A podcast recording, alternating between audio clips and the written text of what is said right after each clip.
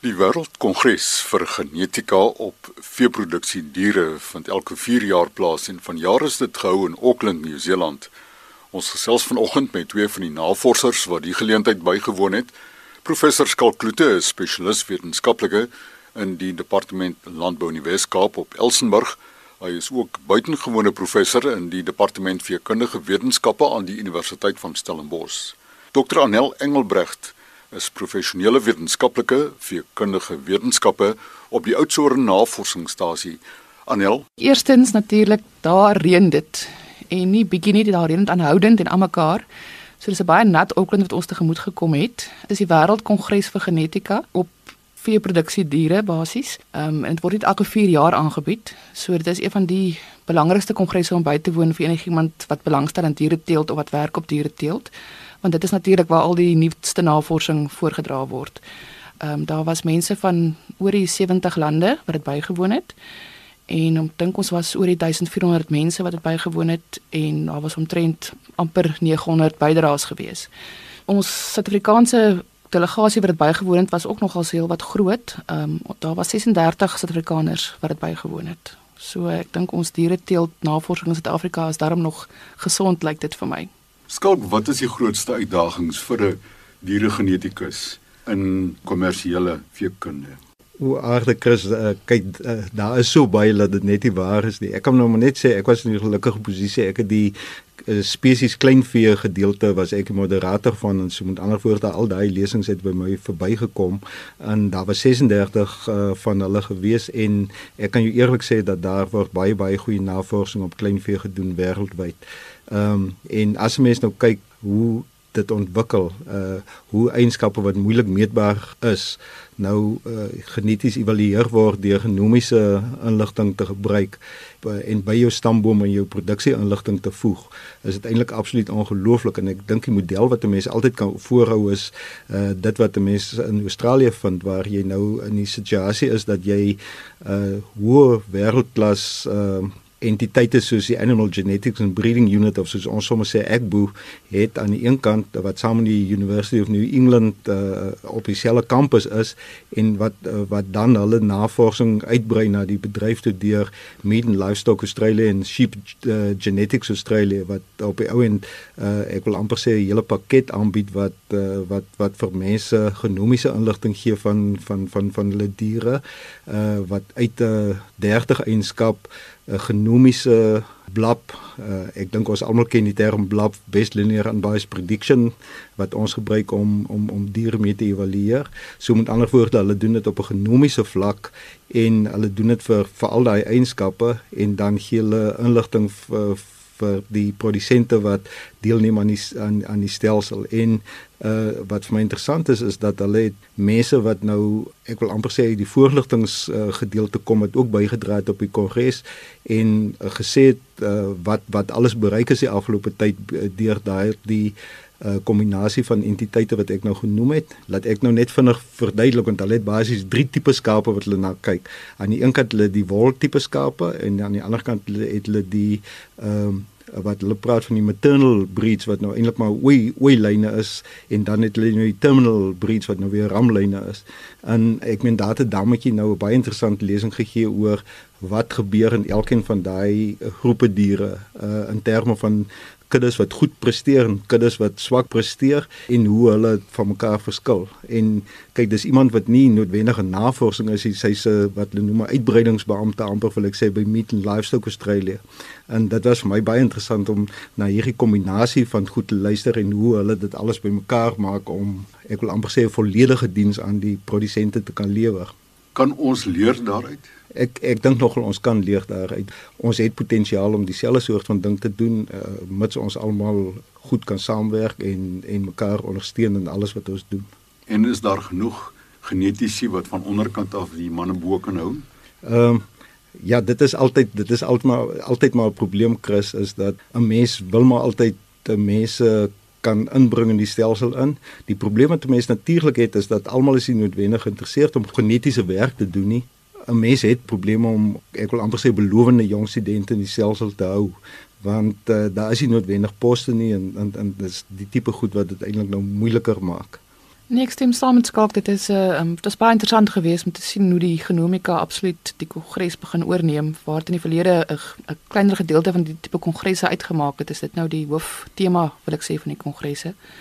En dit is interessant, hy praat nou van kom die jong mense wat moet inkom, maar daar was onder andere ook 'n sessie geweest oor opleiding waar hulle spesifiek gepraat het rondom beweeg nou na byvoorbeeld die mense wat nou die kennis het om dit oor te dra op op online kursusse wat hulle vir die mense kan aanbied en daai tipe goed na te kyk om bietjie te probeer om dit weier die opleiding bietjie weier te kry en beter te maak. Want daar is maar tekort dink ek in terme van dit. Die um, aanbiedings wat jy self gemaak het skalk en Anel. Ja, um, ek het 'n ek was gelukkig geweest om 'n aanbieding te kry binne die uh hulle noem dit die camelet sessie wat eintlik oor kamele en goed soos alpakas en lamas gaan. So gelukkig het die volstruis tot 'n mate daar ingepas omdat dit ons nou die kameel kameelvoel beskryf bekend staan.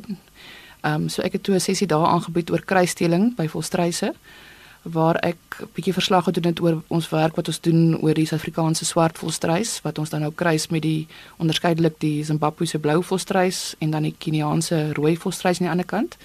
En ons kon daarom aantoon dat ons ehm um, bassekrag en redelike klompie slageienskappe kan vind. So ja, ons het gaan aan met daai werk want dit is ook iets wat uniek is wêreldwyd daar word baie min plekke wêreldwyd op die oomblik navorsing doen op volstruise. Want ons is eintlik maar die enigste land wat nog aktief navorsing doen en 'n aktiewe bedryf het. En die kameel? Daar's 'n groot bedryf in dit in Afrika en in die plekke in seker in die ooste. Ehm um, daar word onder andere kongresse gereël spesifiek vir die kamele. So dit is blijkbaar 'n groter um, of 'n baie bedryf wat ek amper sê wat die volstruise is wat redelik beperk is soos ek sê tot net ons land byvoorbeeld. Chris, ek wil net dink ek gou vinnig terugkom na na na na wat die ander bydraes was wat daar was want uh, kyk ek self het 'n lesing gegee namens 'n kollega van ons Lise Sandenberg wat op die stadium in Australië woonagtig is wat gegaan het oor die Namakwa Afrikaner as 'n bedreigde inheemse uh, vetster tipe en uh, en die feit dat uh, dat dit eintlik 'n baie klein ras is maar dat dit 'n ras is wat uh, sekere fiksheidseienskappe het wat uh, wat nie noodwendig die kommersiële rasse aangetref word nie. Ons het basies gekyk na die genetiese diversiteit binne ras en of alles wat as Namakwa Afrikaners aangebied word noodwendig Namakwa Afrikaners is. En ons het toe agtergekom dat uit die drie kuddes wat ons gekry het, was daar een kudde wat nie uh 100% suiwer Namakwa Afrikaners was nie. So met ander woorde dit het nou 'n belangrike les dink ek vir ons ingehou en dit is dat dat 'n mens moet as jy 'n vetserskap sien en jy en jy 'n sekere ras daarvoor dan uh, dan is dit nie noodwendig die die ras wat wat jy dink dit is nie. So met ander woorde ek dink 'n mens moet heel versigtig omgaan en dit is natuurlik moontlik om klein paneels uh, snips single nucleotide polymorphisms te kry om om om aan te dui vir jou of hierdie dier nou ras uh, ras eg is of nie ras eg is nie. Maar dit is nou goed wat in die toekoms nou miskien nog gedoen kan word. En dan het ons natuurlik want kyk een van die moeilik meetbare eienskappe wat mense mee werk is vleis en slag eienskappe van diere. En ons het 'n bietjie gekyk na vleis se slagseienskappe van ons Suid-Afrikaanse skape. Uh en wat interessant is, ehm um, ek moet sê dat dit nou is nou werk wat Jasper Kloete as plakade aangebied het. Nou ek dink die mense sal weet dat hy onder by Elsburg College is. Hy het aangetoon dat die meeste van die slagseienskappe wat ons meet uh, insluitend die kwalitatiewe en die kwantitatiewe vleiseienskappe oor erflik is en dat die genetiese korrelasies tussen hierdie eienskappe nie ongunstig is. So met ander woorde, behalwe as jy nou natuurlik dink dat uh, vetdikte is normaalweg met gewig geassosieer. So met ander woorde, as jy nou markkarkasse wil teel, dan is dit nou 'n uh, bietjie moeilik om om nou swaar markkarkasse te te teel verder is daar nie ernstige negatiewe genetiese korrelasie sien en en dit wys dat ons eintlik nou maar kan werk op ons diere en hulle geneties verbeter wat vleiseienskappe aanbetref. En natuurlik dis natuurlik die tipe van 'n ding wat genomiese seleksie 'n rol kan speel by al hierdie moeilik meetbare eienskappe insluitend die vleis wat ek nou van gepraat het. Het wild ook 'n plek gekry in die samesprekings? Nee, daar was nie spesifieke wild sessie nie. Ek kan net sê kyk in Nieu-Seeland is die takbokbedryf natuurlik baie groot. Uh en dit is 'n interessante bedryf want ek dink uh, op 'n manier is hy redelik analoog aan die volstruisbedryf in die sin dat dit 'n relatief onlangs gedomestikeerde spesies is.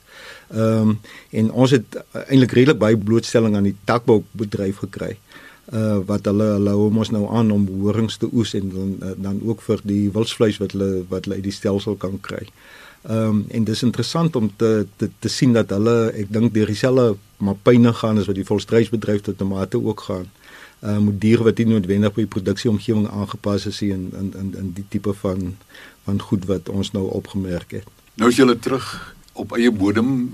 Wat wag vir julle want elkeen van julle het 'n spesifieke belangstellingsrigting nie waar nie. Skil kan ek vir jou eerste vra. Uh Chris, ons het nogal baie met die uh, Australiërs gepraat uh, oor 'n moontlike gesamentlike genomiese ontleding en dit is nou iets wat ons nou van die grond af moet kry. Ons is ons is lank besig om daaraan te dink, maar ek meen ons moet dit nou uh omsit in aksie.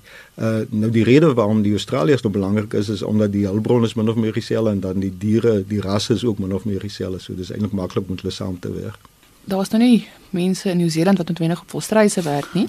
Uh, maar daar is wel mense daar wat wat spesialiseer in spesifieke aspekte wat vir ons van hulp kan wees. So ons het byvoorbeeld um, met Dr Pieter Eymer wat by die kongres ook was, maar ons het hom gaan sien in sy tuisdorp wil ek sê. Hy werk op op die ekonomiese seleksie indekse. Um, hy het ons gehelp om vir die volstryse te kyk na hoe ons ekonomiese waardes kan heg aan die verskeie eienskappe en dit dan saam te vat in 'n seleksie indeks wat ons kan gebruik in die volstrysbedryf. So dit is iets wat ons nou gaan verder verfyn en verder moet vat en begin implementeer in die volstrysbedryf. Ons seleksieprogramme meer effektief te maak en ook bietjie wyeer te maak op die stadium ons huidige seleksieprogram byvoorbeeld fokus net op massa en op produksie terwyl byvoorbeeld goed soos leerkwaliteit al hoe meer belangrik raak. So ons kan nou kyk om al daai eienskappe in te sluit in 'n bietjie 'n breër seleksie indeks en op al daai goed te fokus. Wanneer kry Suid-Afrika geleentheid om die genetiese kongres aan te bied? Die kongresse alterneer 'n bietjie tussen die suidelike halfrond en die noordelike halfrond. So dis nou in 2022 wat dit, dit in Den Haag gaan wees. Ek dink daar is sprake dat ons miskien in 2026 miskien 'n uh, bod gaan aansit om dit aan te bied. Dankie vir die terugvoer van die Wêreldkongres op veeproduksie wat in Nieu-Seeland plaasgevind het. Dr Anel Engelbrecht van die Oudtshoorn Navorsingsplaas. Sy is professionele wetenskaplike in die departement landbou in die Wes-Kaap en in dieselfde departement professor Skalkloete, spesialis wetenskaplike en ook buitengewone professor in die departement veekundige wetenskappe aan die Universiteit van Stellenbosch. Namens Skalk en Anel geniet die naweek.